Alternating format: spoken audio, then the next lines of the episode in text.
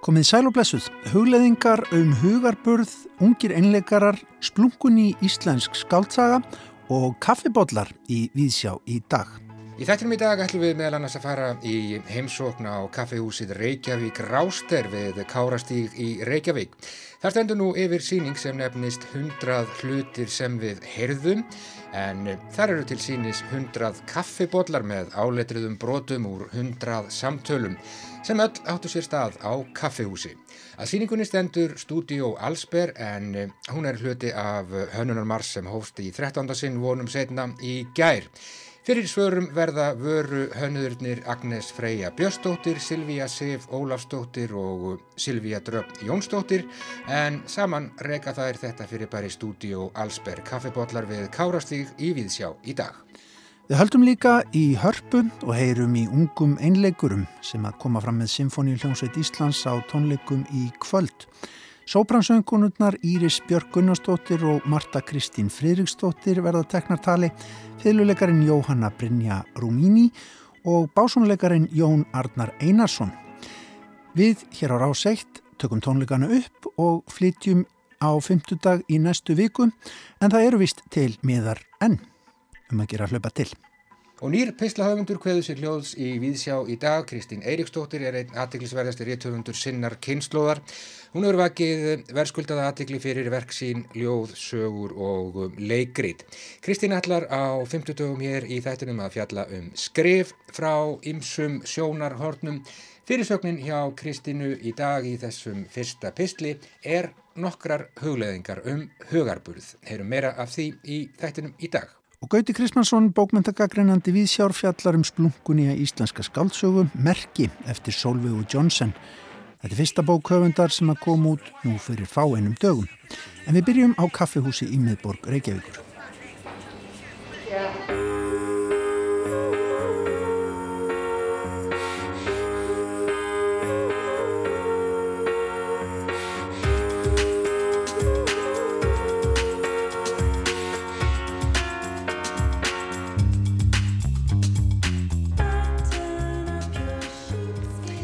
Komum hingað niður á Kárastíg í miðborginni. Þar er kaffihús sem heitir Reykjavík Róster og þar er, eh, er búið að opna síningu sem er hluti af Hönnunar Mars og það er eh, já, fyrirbæri sem að kalla sig Studio Allsberg sem að stendur fyrir þessu, um, hundrað hlutir sem við heyrðum og hérna er þakk fyrir verið að sína kaffibotla og það er búið að skrifa á uh, þá uh, setningar sem að, uh, já, þær sem að standa þessari síningu hafa hreinlega bara stólið á, á kaffihúsum yfir, yfir kaffibodla. Það standa hérna hjá mér Agnes Freyja Björnsdóttir, Silvíja Sif Ólafsdóttir og Silvíja Dröfn Jónsdóttir. Hundrað hlutir sem við heyrðum, segið mér hans frá. Uh, já, þetta er semst síning sem er spratt svona upp úr COVID. Um, við vorum farnar að sagna þess að heyra ókunna tala um eitthvað sem kom okkur ekkert við mm -hmm. og byrjuðum með eitthvað svona aðeins að heyra eftir svona setningum á ferðum okkur um bæin og nefbraðir niður og ákvæðum svo að setja þér á kaffibotla. Já, einmitt.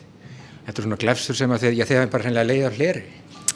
Já, svona mætti segja það en svo líka stundum heyrum maður líka eitthvað bara svona út undan sér sem maður bara einhvern veginn gleymir ekki mm -hmm. og hérna það er oft mjög fyndið að því að maður veit ekki samhengið á baku setninguna. Þannig að já, við ákveðum að bara eitthvað svona sapna þessu saman og gera eitthvað fyndið og skemmtilegt til því. Can I take your order? Uh, I have bacon, eggs, tomato, toothpaste and a cup of tea. And you? Chicken soup. Ég hef saknað þessi í kófinu hreinlega bara að heyra um, ókunnugt fólk tala saman Já, algjörlega og oft heyrir maður bara líka svona brot og veldir ég oft fyrir sér kannski í langan tíma eftir á hvaða var sem voru að tala um mm -hmm. og já, í hvaða samingi maður væri að segja svo hluti. Já, einmitt, nokkanlega. Já, taka hérna stikkpröfur, uh, pappirinn er búinn, við prófum bara setna bannað að sapna góð stúdíó, eru góðir partistaðir, ég myndi ekki segja reynslubolti, Uh, gömlu, góðu hlýðarnar, Mílæk og svo framvegis Dóra, ekki Hóra, já, takk fyrir það Þannig að hérna, já, en svona bara ykkar áhuga á nákvæmlega þessu að hérna, hvað maður að segja, að hérna, gæjast, gæjast inn í líf annara. Já, uh, ég held að sé líka bara eitthvað svona fegurinn í hverstagsleikanum og einhvern veginn svona að, já, bara njóta þess að einhvern veginn Mm heyra, já, Já, nákvæmlega. Og þið hafið bara hreinlega saknað þess að, að hérna, heyra og, og tala ókunnura. Já, í rauninni, við lendum líka allar í að, vera í sóttkví og svona, þannig að, um, þannig að já, það var kannski eitthvað sem maður gerði sér ekki grein fyrir að veri svona pínu skemmtilegu partur af kastasleikunum, að bara heyra eitthvað út undan sér sem fyndið og skemmtilegt.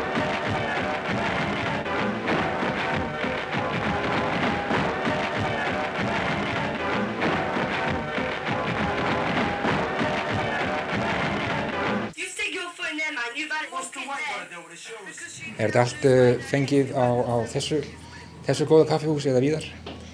Já, sko, planið var að þetta væri allt á sama kaffehúsinu og mikið af þessu er á sama kaffehúsi. En stundum heyrðum við bara setningar sem gátum ekki sleppt að hafa með e, bara á, við, á almannafæri og þá dróðum þær bara inn í verkið líka. Já, einmitt.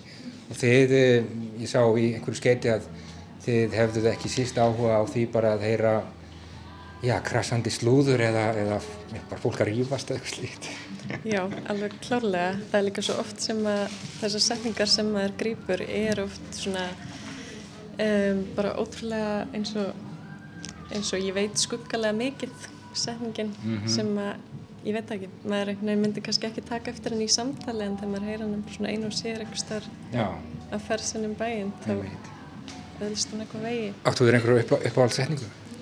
Uh, já, það er, er nokkrar sko. Mér finnst hérna, mér finnst þessi hérna sem er í miðjunni hérna, af hverju er maður svona lítill í sér þegar maður er þunnur. Mér finnst hún svolítið góð sko. Já. Það er svona eiginlega mín uppáhalds. Nákvæmlega. Og hvað hérna, um, hvað verður svo um, um bollan?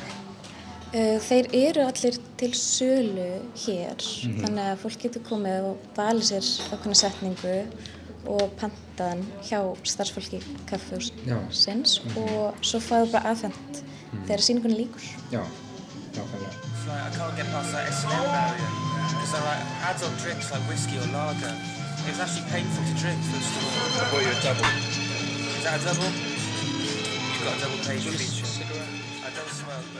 Hvað getið þið sagt mér um uh, Studio Allsber? Uh, já, við erum sérst allar útskrifur stóru vöruhönnun síðasta vor og vorum saman í Beck og langaði að gera eitthvað svona skemmtilegt saman og höfum allar uh, áhuga á keramiki og leir Já. þannig að við fórum bara í það að finna okkur pláss til að geta gert eitthvað skemmtilegt Já. og þetta einhvern veginn bara hefur verið svolítið lífrænt og gerst svolítið að sjálfur sér. Þið er búin að vinna lengi saman? Uh, já, við vorum alltaf stundum að gera eitthvað verkefni saman í skólanum og, og svo bara eftir útskrift sem er ár síðan þá, einmitt, byrjuðum við að leika rými þannig að það er kannski, já, aðeins meira en ár. Já, nákvæmlega. Uh, það er Hönnunumars uh, sem að, já, viðburðir á, á hans vegum, þeir eru bara út um alla borg og held ég bara út um allt höfuborgarsvæðið. Fylgist þið vel með, með, með þessu? Já, algjörlega. Það er alveg fullt af opnunum og sýningum sem við þurfum að fara og sjá og hérna, bara ótrúlega gaman. Þetta er algjör svona uppskjöruháttíð fyrir um, bara þessa senu og margir sem að þekkir sem að eru já, tengdir skólanum á einhvern hátt eða bara sem við höfum kynst Já. í gegnum hennunum samfélagi sem eru með alls konar skemmtilegar sýningar. Mm já. Og um, þessi Hönnunumars, uh, auðvitað óvenju sent á ferðinni, komin, komin langt fram í mæ. Já, uh, mér finnst það persónulega bara skemmtilegra svona betra veður og meiri stemming. Ráið þið á milli og svona fáið innblástur? Já, algjörlega. Það er náttúrulega ótrúlega gaman að sjá bara hvað þetta er fjölbreytt verkefni og ótrúlega skemmtilegt. Við erum einmitt líka að taka þátt í annara sýningu Já. á, sem er á Hafnatorgi. Það er sérst Signatúra heiti það. Það er svona uh, grafísk verk, það er svona bókasafn og við vorum að leira bókastóðir fyrir það. Já. Að það er, já, svolítið ólíkt þessa sýningu sem er bara líka mjög skemmtilegt. Já. Mm. Svona aðeins litrikara og þannig að það er líka mjög skemmtilegt. Það er hægt að fara þar inn og setjast og skoða bækur og tímaritt. Do you think a girl should go to bed with a fella if he doesn't love her? know, unless it's me. Nákvæmlega og hvað er svona, já, hvað er framöndan hjá, hjá Stúdíu Allsberg, hvað næst? Um, já, við erum svona, ætlum að taka okkur kannski smá svona öndunum pásu eftir þetta. Um, og svo er bara, já, það er ekkert ákveð en okkur langar að gera aðra sýningu sem kannski meira, eitthvað svona aðeins meira abstrakt og meira svona, já, lífrætni forma því þessi eru allir svolítið svona eins í læginu þóttir séum allir með mismöndi setningum. En það væri gaman að gera eitthvað svona aðeins, já. En nú getið þið aftur farið að stunda kaffihúsin og, og leggja á hlýri. Já, klarlega. Það var að passa sig. Já, það er, já, þetta er Já. mjög fyndið sko. Þið eru með sko, er það ekki á uh, laugardaginn eitthvað sem þið kallið hvað, spuna upp á komu? Já, uh, á laugardaginn klukkan þrjú þá er spunaleikopur sem heitir Hei sem ætlar að gera svona lítið verk út frá bollanum. Já. Þannig já, það er spennandi. Hljómar vel og þetta hvað, stendur fram á sunnudag eitthvað slíkt? Já, hún stendur lengur Já. en þetta er svona tíminn svona. já. Nákvæmlega. Hundrað hlutir sem við heyrðum hér uh, á Reykjavík Rúster við Kárastíg í Reykjavík. Ég segi bara takk fyrir spjallið Agnes Freyja Björnsdóttir, Silvíja Sif Ólafsdóttir og Silvíja Dröfn Jónsdóttir. Þeir eru stúdíu á Allsberg. Takk fyrir mig og ganglur allt í hæginn. Takk. Takk fyrir. Bye.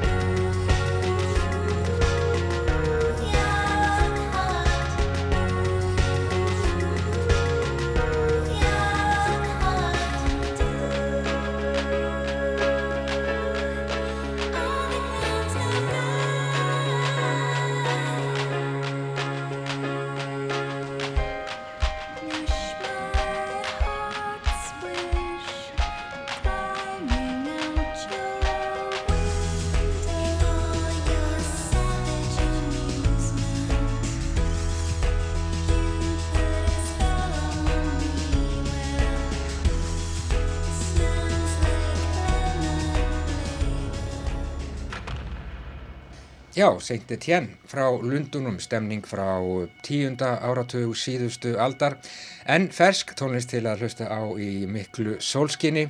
Og já, stúdíó Allsber, Agnes Freyja Björnsdóttir, Silvíja Sif Ólafsdóttir og Silvíja Dröfn Jónsdóttir, fegurðinn í hverstagsleikanum hundrað hlutir sem við heyrðum síning.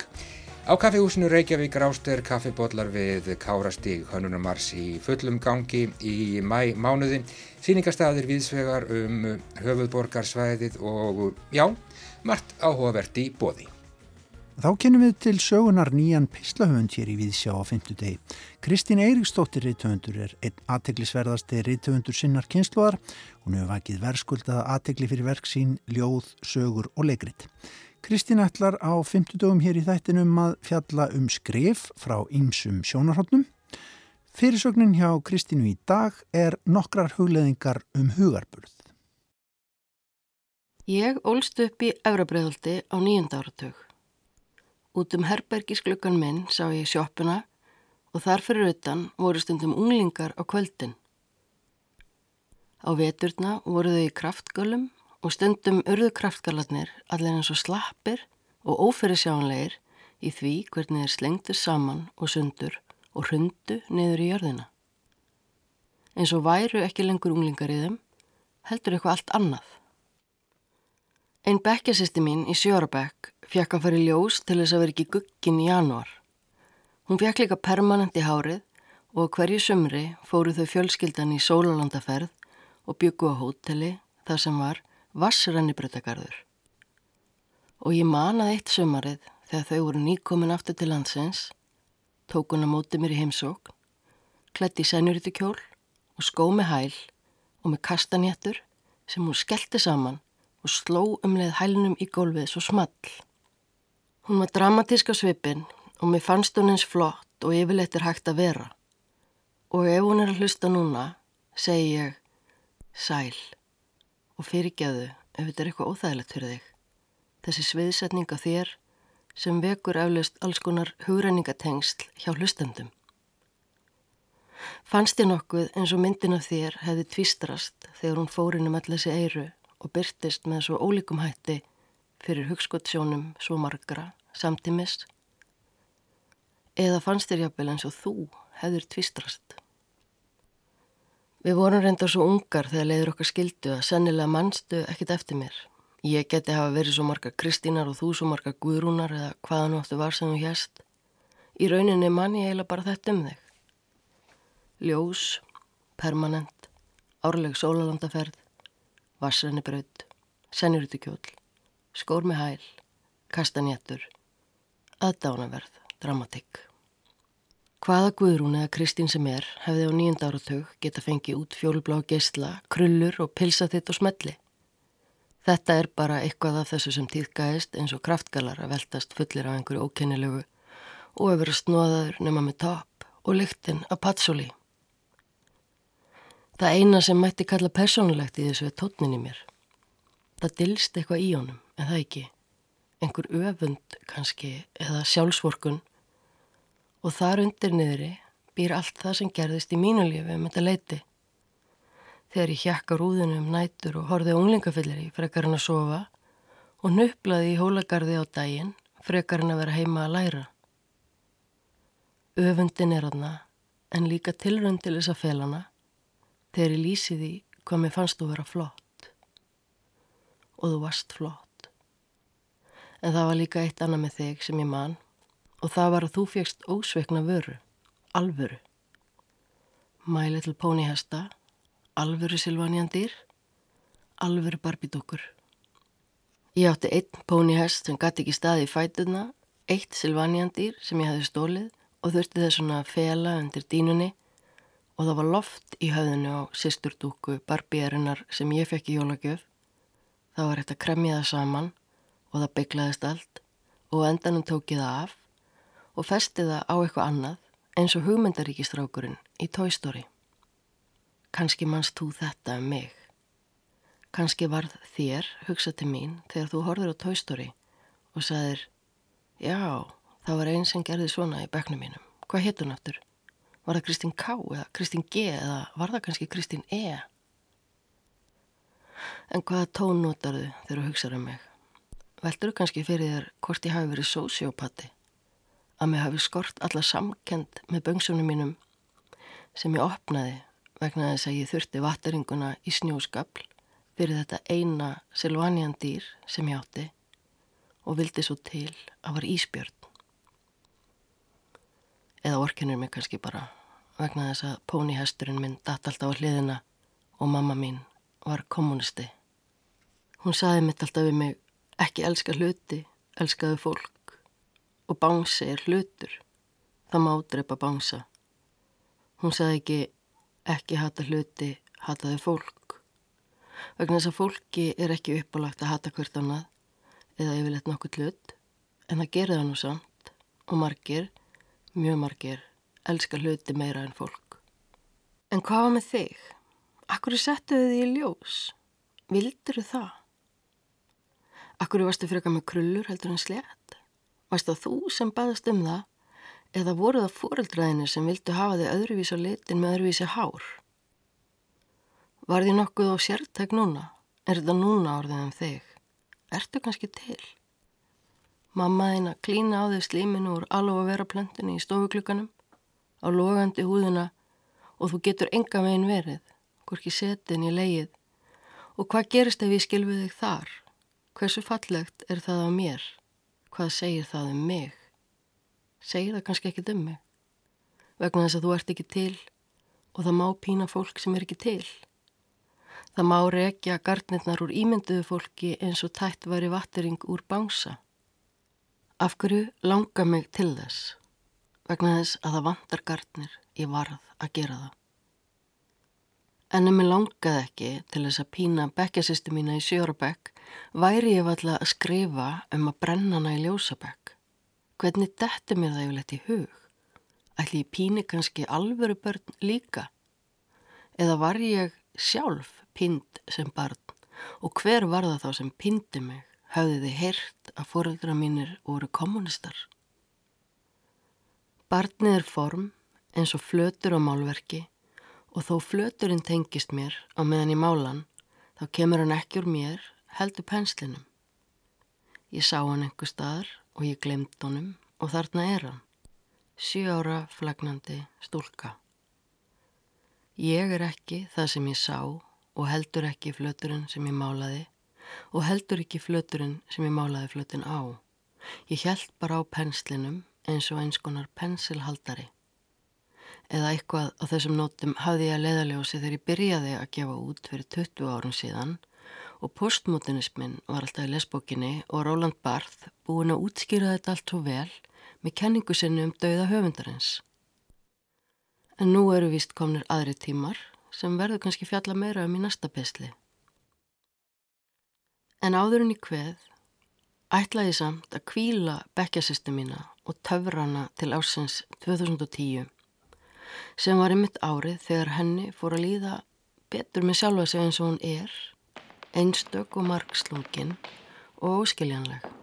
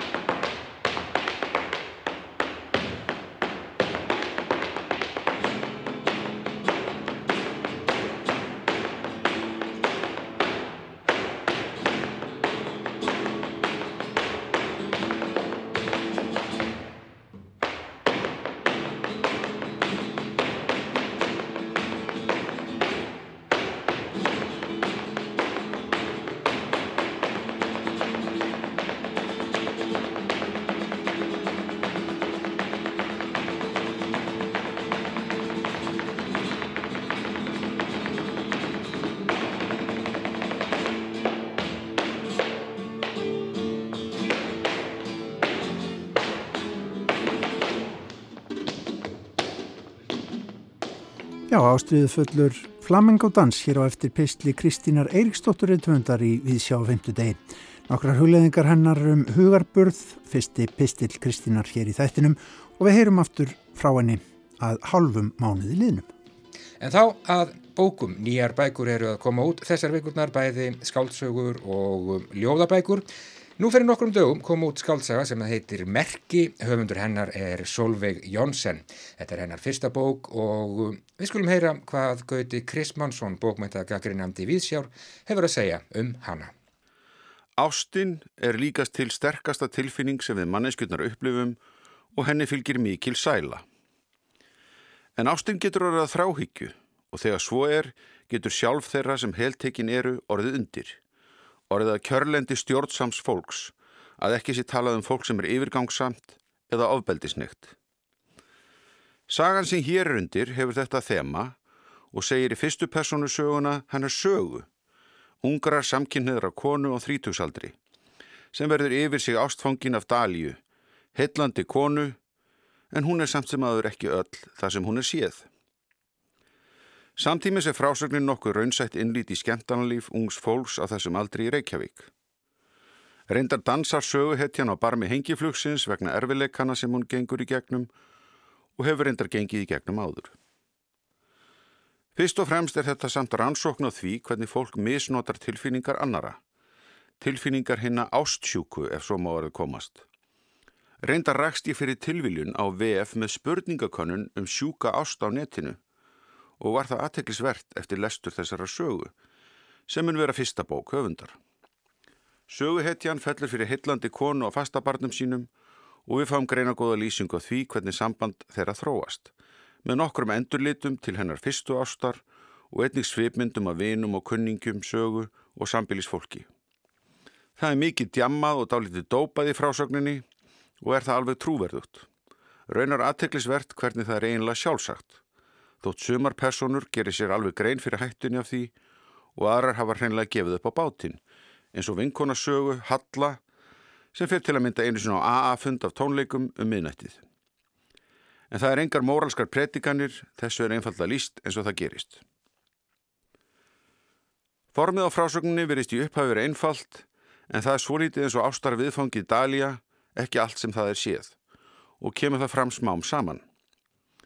Tekst höfundi vel að halda auðvitað þá umbreytingu sem personuna gangi í gegnum og beita frásagnartöf til að breyka myndin af þeim og sérstaklega sögu sjálfri sem fáum að kynast eina beini. Allar hennar tilfinningar og hugsanir eru ofinberar.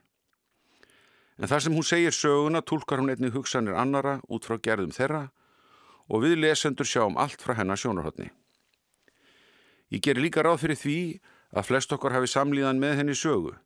Við skiljum viðbröð hennar vel, þótt við myndum kannski ekki bregðast við hlutunum eins og hún.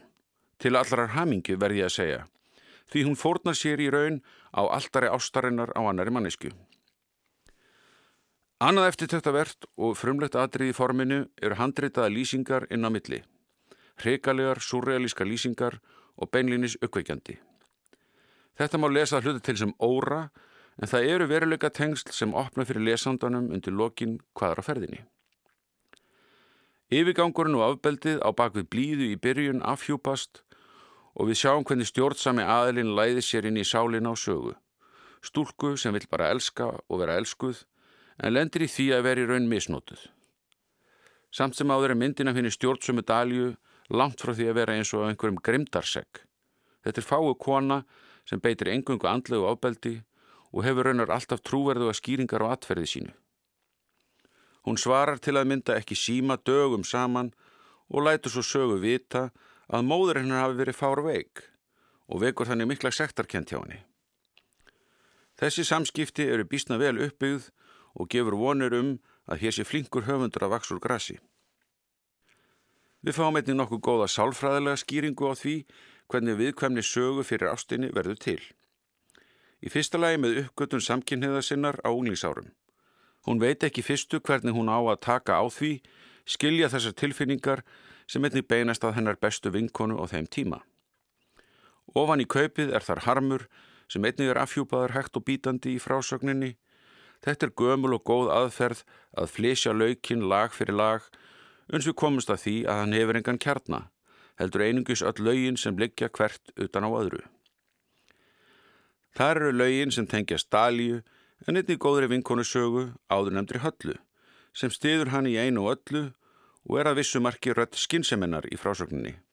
En á einum stað má spyrja sig hvort hún vil ekki líka stjórna sögu. Lesendur verða að gera það upp við sig. Þessi frásögn kemur út á tíma þegar upp er risin önnur MeToo-bylgja og snýr helst á ofbeldi og yfirgangi kallmanna gagvart konum. En þessi saga fjallar um slík brengluð samskipti millir samkynniðara kvenna. Þótt ofbeldi sé ekki líkamlegt að menni sínist.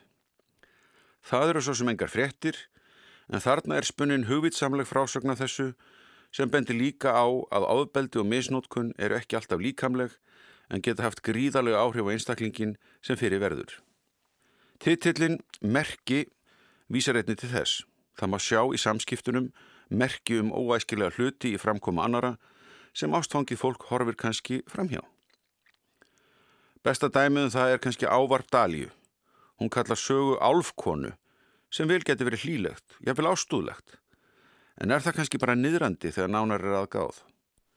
Það er þessi óljósu mörg sem sagan hefur undir smásjáni og tekst vel að byggja upp hægt og hægt en strekin eins og það heitir í sögunni kemur í ljós. Það er erfitt að fjalla svo við hvað málefni svo vel sé, það er hægt að detta niður í ofmikið drama, yfirspila áföllin og annaði þá veruna. En með höfupersonunni, sem að vissuleiti er svona klassísk meðalmanneska, kannski að því að sjálfsálet hennar beint nekki á einhverjum tímapunkti, þá höfu tekist að byrta mynd af gethekri konu sem verði fyrir því að hitta sína Dorian Gray. Og ekki nóg með það, heldur fær hann að sjá málverkið af henni á endanum.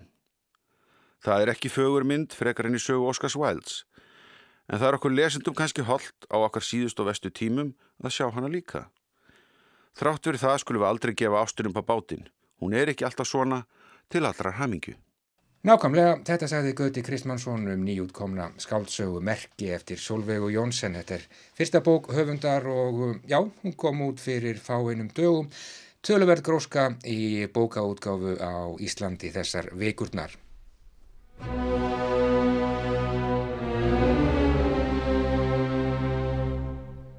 En þá hugum við að tónlist og nýri kynnslóð tónlistamanna sem að hasla sér völl.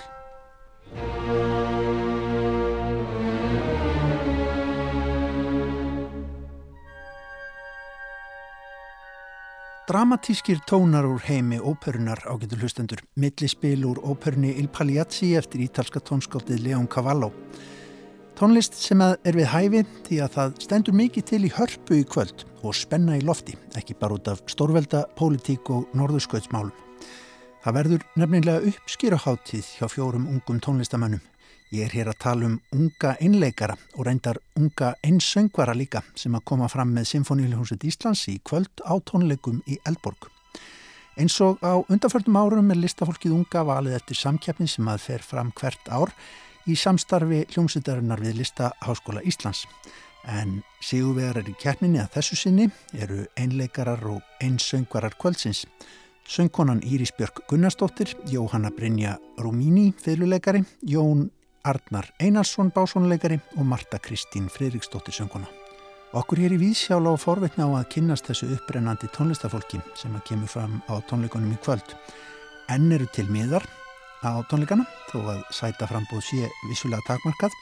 Skólaafsláttur í gangi vitanlega fyrir unga fólkið en við hér á ráseitt hljóðröytum líka tónleikana og lefum ykkur að heyra hlustundu góðir á 15. skvöldið í næstu viku. Hér eru þau í réttri röð unga fólki sem kemur fram á tónleikunum. Íris Björg Gunnarsdóttir, sopransönguna, stýgur fyrst á svið og tekst í upphafi á við tónheim einnar frægustu óperu í heimi, Carmen eftir B.C. En hvernig er það að fara fyrst á sviðið? Bara mjög skemmtilegt. Um, ég mun syngja Arínana Mikhælu sem er svona daldi andstæðan við Carmen, myndi ég segja. Carmen er þessi þokkafulla kona sem neytar að fara eftir nokkur skona reglum samfélagsins og vill ekki binda sig en Mikaela er svona hlýja, bjarta og blíða andstæðan við það hún er alveg rosalega ástfangin af, af Don Jose og myndi bara gera allt til þess að, að fá hann en er á sama tíma mjög hugrökk og, og, og bara ætlar sér að fá það sem hún vill sem að er Don Jose. Þegar kemur að því að velja sér það sem maður ætlar að syngja á svona tónleikum sem eru auðvitað daldi stórt augnablik fyrir einhver unga fólkið að koma fram í þessum glæslega sal með, með þjóðarljónsutinni. Sko, er maður lengi að hugsa um það hvað, hvað mann langar að syngja? Já, algjörlega. Ég um, hef tekið þátt í keppninni áður en, en vann ekki og var lengi að veltaði fyrir mig hvort ég hefði átt að halda bara prógraminu frá því í fyrra um, en ákvað á síðustu stundu að breyta doldi og ég, ég ákvað bara að hugsa hvað er það sem að mér dreymir allra helst um að syngja með Sinfoni hljómsveit Íslands? Og fór kannski svona óhefbundna leiður til dæmis að syngja eftir Leon Cavallo sem er ekkert sérstaklega oft flutt. Þessi ari er mjög sjaldan flutt á tónleikum best ég veit. Um, þannig já, ég, ég ákvað bara að fylgja einn innsæg og bara það sem mér dreymir um, þetta eru þrjú drauma hlutverk mín og já, ég langaði bara að prófa þetta og það gekk og ég er bara alveg ótrúlega spennt að fá að syngja þetta með uppáhalds hljómsveit allra landsmanna Maður verður að nýta takkifærið, en það er sem sagt Carmen, Leo Cavallo og svo hvað er það þrið? Svo er það Arjan en að ljú úr Turandot eftir Puccini já. Hefur þetta setið lengi í þér að fara bara eins langt og getur í söng? Já og nei, sko ég fór í mentaskólinni Reykjavík og ætlaði bara að vera leknir eins og mamma. Og svo bara eitthvað Það er sko ekki bara. Nei, nákvæmlega. Og svo vaknaði ég bara einn morgunin upp úr tvítugu og, og bara áttaði mig á því að lífið er allt og stutt til þess að láta ekki á það reyna. Og fór í kjálfarið í minn fyrsta söngtíma.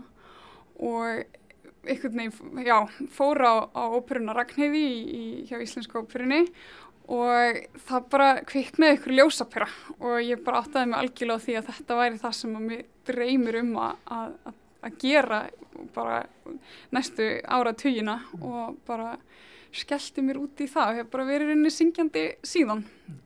Hefur semst eitthvað blundað í þér eitthvað, eitthvað þarna? Varstu alltaf raulandi sem bad kannski líka?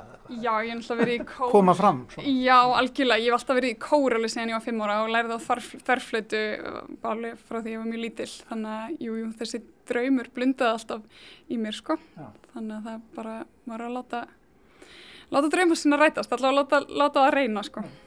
Hvernig er búið að vera á æfingum með symfóníinu síðan?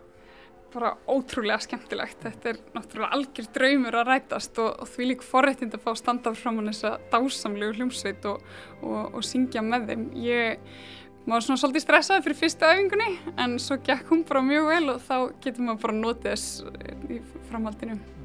Ég sé bara njóttuðinn. Takk hjálpa fyrir. Saði Íris Björg Gunnarsdóttir Sóbransönguna.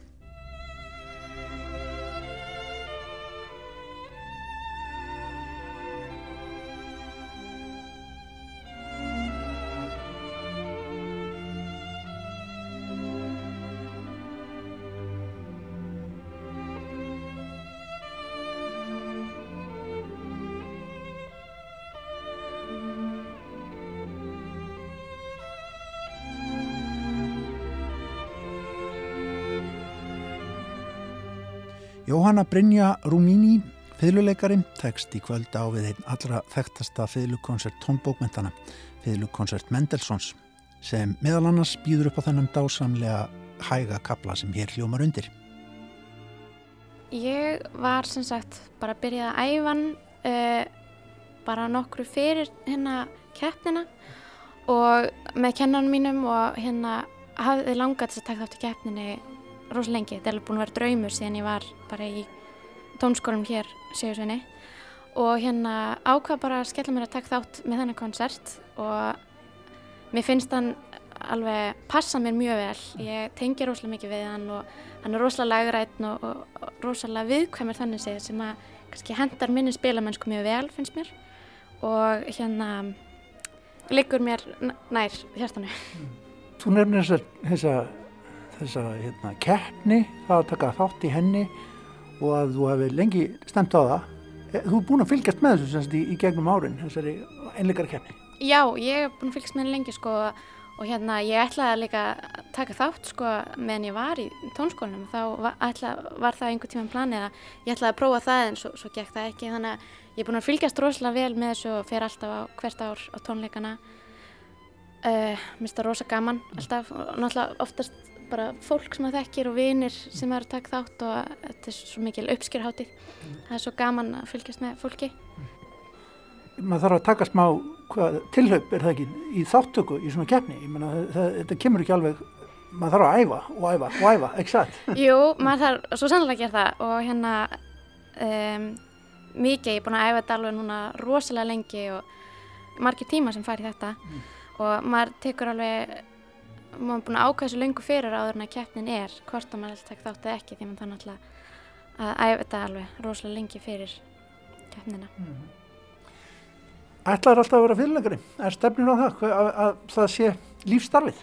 Já, mér hefur eiginlega alltaf langað til að gera það og ég hef aldrei hugsað um að vilja að gera eitthvað annað. Ég bara, síðan að ég var byrjað á fylgu, mamma sagði nefnilega að ég hefði, hérna, ég spurði einhvern tíman hérna af hverju hún hefði látið mig byrjað á fylgu hún sagði bara við mig að ég hefði séð í sjónvarpinu einhvern verið að spila á fylgu mm. og sagt mamma, mamma, mér langar til að spila svoleiðis og, og síðan þá hef ég bara alltaf verið í fylgunu og ég aldrei bara hugsað um neitt annað eiginlega og útskrifast líka úr tónlistabraut úr MH og, og stemdi bara strax á framhalsnám í fylgunu og svona og bara eina sem er leið bóði fyrir mig. Hvað ertu stödd í námi núna? Nú er ég í Þýrskalandi í litlum bæi sem heitir Trossingen. Þetta er svona sunnan við Stuttgart. Ég veit ekki hvort að, að segja einhverjum eitthvað. En mjög krútlegur bær. Og hérna já, mjög indislegt að læra þar að þetta er svo lítill bær og að það er einungis eiginlega bara hérna háskólinn, tónlistarháskólinn og þetta er öll, við erum öll eins og lítil fjölskyldar og það er hægt að gera, maður gerir ekki nætti annað en að æfa sig þarna í þessum litla bæ þannig að það henda rosalega vel finnst mér að vera þar, bara einbiti mér algjörlega þessu. Hvað er þetta komið langt í því námi? Nú er ég uh, að klára þriða árum mitt í bachelor, það er fjör ár bachelornámi. Ég býst reynda við því að taka eitt ári viðbót bara út á COVID að því ég hef mist eiginlega bara heilt ár það er gætt að fara í hljómsveit eða kammermúsík eða neitt svoleiðs. Það er eiginlega bara enga tímar og þannig að vandar finnst mér alveg helmingin að náminu þannig ég væri alveg til að taka eitt ári viðbót. Já. Þannig að já, ég er svona rúmlega hálfunnið með námið.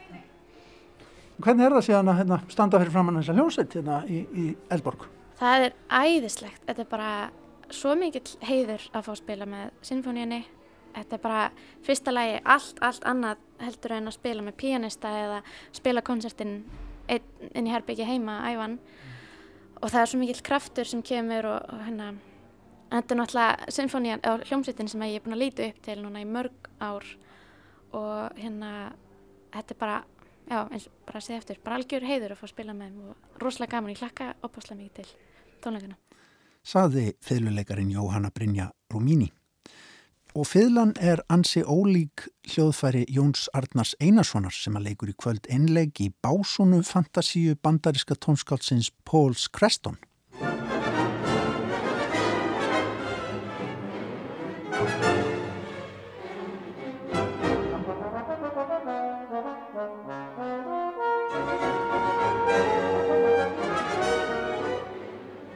stóða alltaf til hjá Jóni að leggja básununa fyrir sig?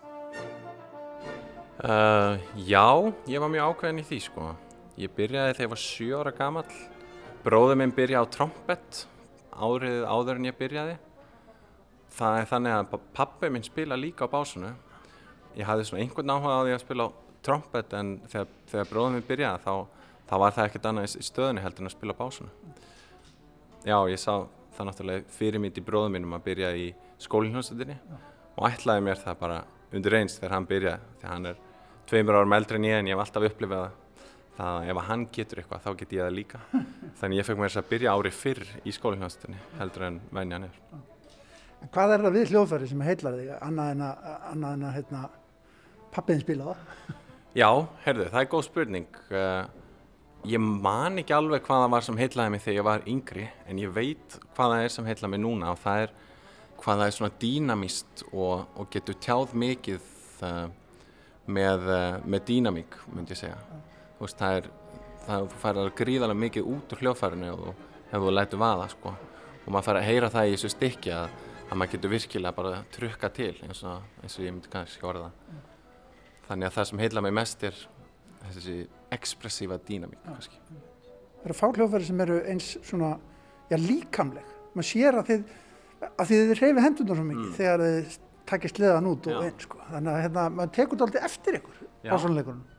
Já, það er alveg rétt sko og, og þetta er mjög líkamlegt sko. Það er ekki bara lukkið heldur uh, eins og ég var að segja á þann þetta með að veist, spila stert það tekur rosalega mikið á líkanlega líka sko og ef, ég geri æfingar sko ekki bara æfingar til að til að setja sleðan á rétta stað og réttum tíma heldur líka ákveðin svona öndunaræfingar til þess að geta blásið og haft góða stjórn á, á öndunni sko. og þar, ef maður er að spila stert og ef, ef maður er að spila hátt uppi í tónunum þá, þá verður maður gætna mjög þreyttur líka sko í hérna, vöðvann sem maður nota til að blása þannig að þetta verður líkamlegt bæði að þegar maður reyfa sig og að þegar maður er að blása mikið Hvað getur þú sagt mér um þetta tónskald og þetta hérna, verk sem þú tekst á því verðan sem ég held að sé nú kannski fæsti sem þekkja? Já, það er góð spurning. Ég get sagt þér alveg helling bæði um Paul Creston, tónskaldið og um stikkið sem heitir bara Fantasia fyrir básunar hljómsett. Uh, ef við byrjum á tónskaldinu þá fættist hann í Bandaríkjum í New York árið 1908 og fóröldra hans voru bæði frá Ítalju, innflytjendur um, frá Sigile í Ítalja og hann fekk skýrnarnafnið uh, uh, Giuseppe Guttovecchio og uh, það var ekki fyrir en hann gifti sig þegar hann var svona 23 sem hann skipti yfir í nafnið Paul Creston og ég get ímynda mér að hann hafi skipt bæði að því að hann upplifið sig kannski sem bandaríkjumann og að því að það var á nefa einhverju fordómar gagvært gagvart ítalskum innflytjandum á vestuströndin í bandarækjum á þessum tíma. En það er mjög skemmtileg saga frá því sko, af hvernig hann valdi nafni Creston. Að hérna, þegar hann var í badnaskóla þá leka hann í leikriti það sem karakterinn hans hétt Kress. Og þá byrjuðu vínir hans að kalla hann Kress og svo vantarlega svona tíu árum síðar að þá kallaði hann ennþá Kress og hann gifti sig og ákveði bara að eh, breyta, sér, breyta nafninni yfir í Creston það var svona aðeins formulega útgafa Cress og svo las ég einhvers staðar að hann hafi bara líkað mjög vel við nafnið Pól og þess vegna valda hann það líka og um stikkið þá get ég sagt að það er samið 1947 og það er frumflutt 1948 með eh, Los Angeles Philharmonic í bandaríkunum og básónleikarin eh, Robert Marsteller. Og þetta er eh, tiltöla stutt stykki en það gerist mjög mikið í því. Þetta er eins og hann hafi tróðið veist 25 minútum að tónlist inn í svona 12,5 mínútu. Og þetta er ekkert svo rosalega mikið spilað af básunleikurum og ástæðan er uh, kannski, tven, kannski nokkrar fyrsta legi að Pól Creston tónskaldi er ekkert svo rosalega mikið spilað yfir höfuð og í öðru legi að þetta er, þetta er mjög fyrir lengri komna ef maður svo maður segja það er svona tæknin og, og getan sem maður þarf að hafa er, er kannski svona á hæsta stíi áður en maður byrjar að sérhafa sig, má segja. Hvert allar eru næst í, í básónuleiknum? Já, það er mjög góð spurning. Hérna, ég er sérst að klára núna bachelorná í Oslo í Norgis Musikkhauskúli mm -hmm.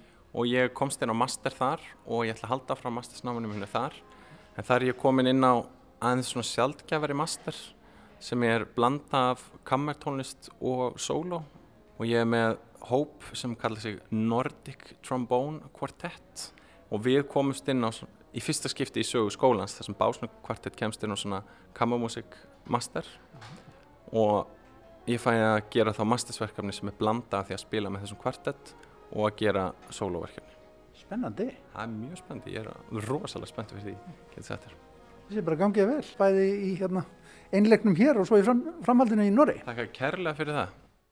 Saði básónleikarin Jón Arnar Einarsson.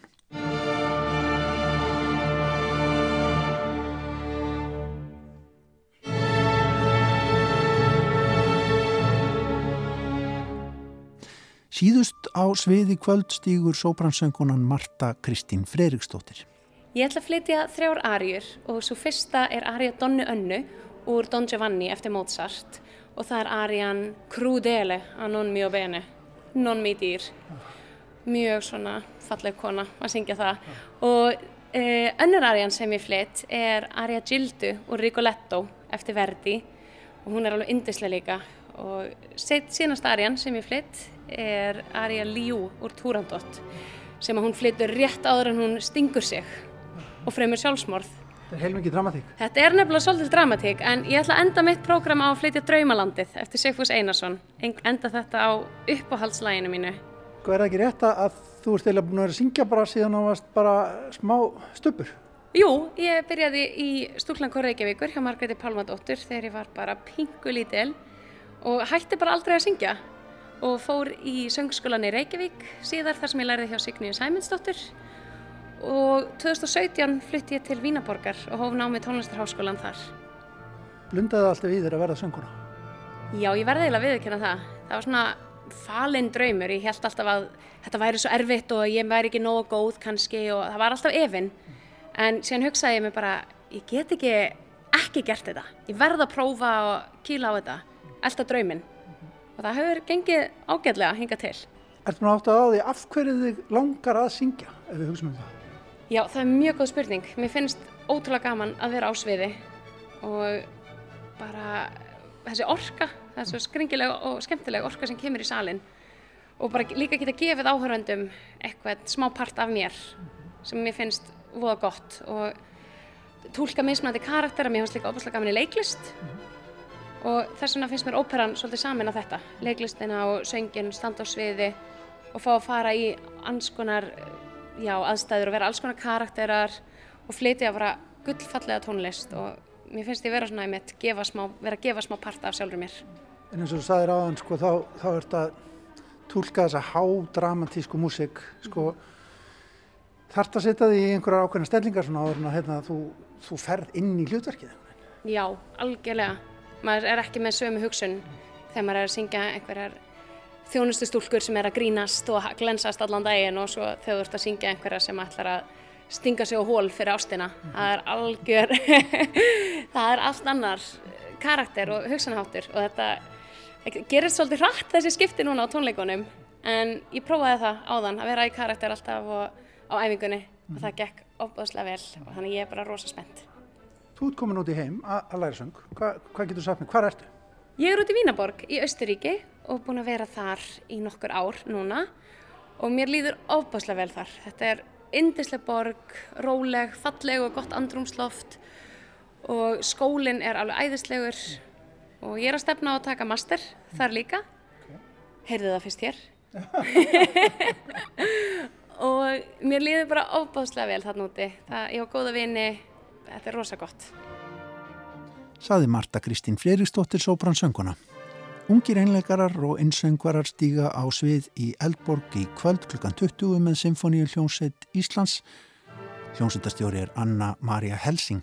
En örvendið ekki til sem ekki komist á tónleikan í kvöld. Ráseitt hljóðritar og færir ykkur hlustundu góðir á 50. kvöld í næstu viku á samtíð sem við heyrum nýsmíðar úr svo kallari ungirkju tónskáldastofu Symfóníu hljómsveitar Íslands og íslensku tónverka miðstöðarinnar.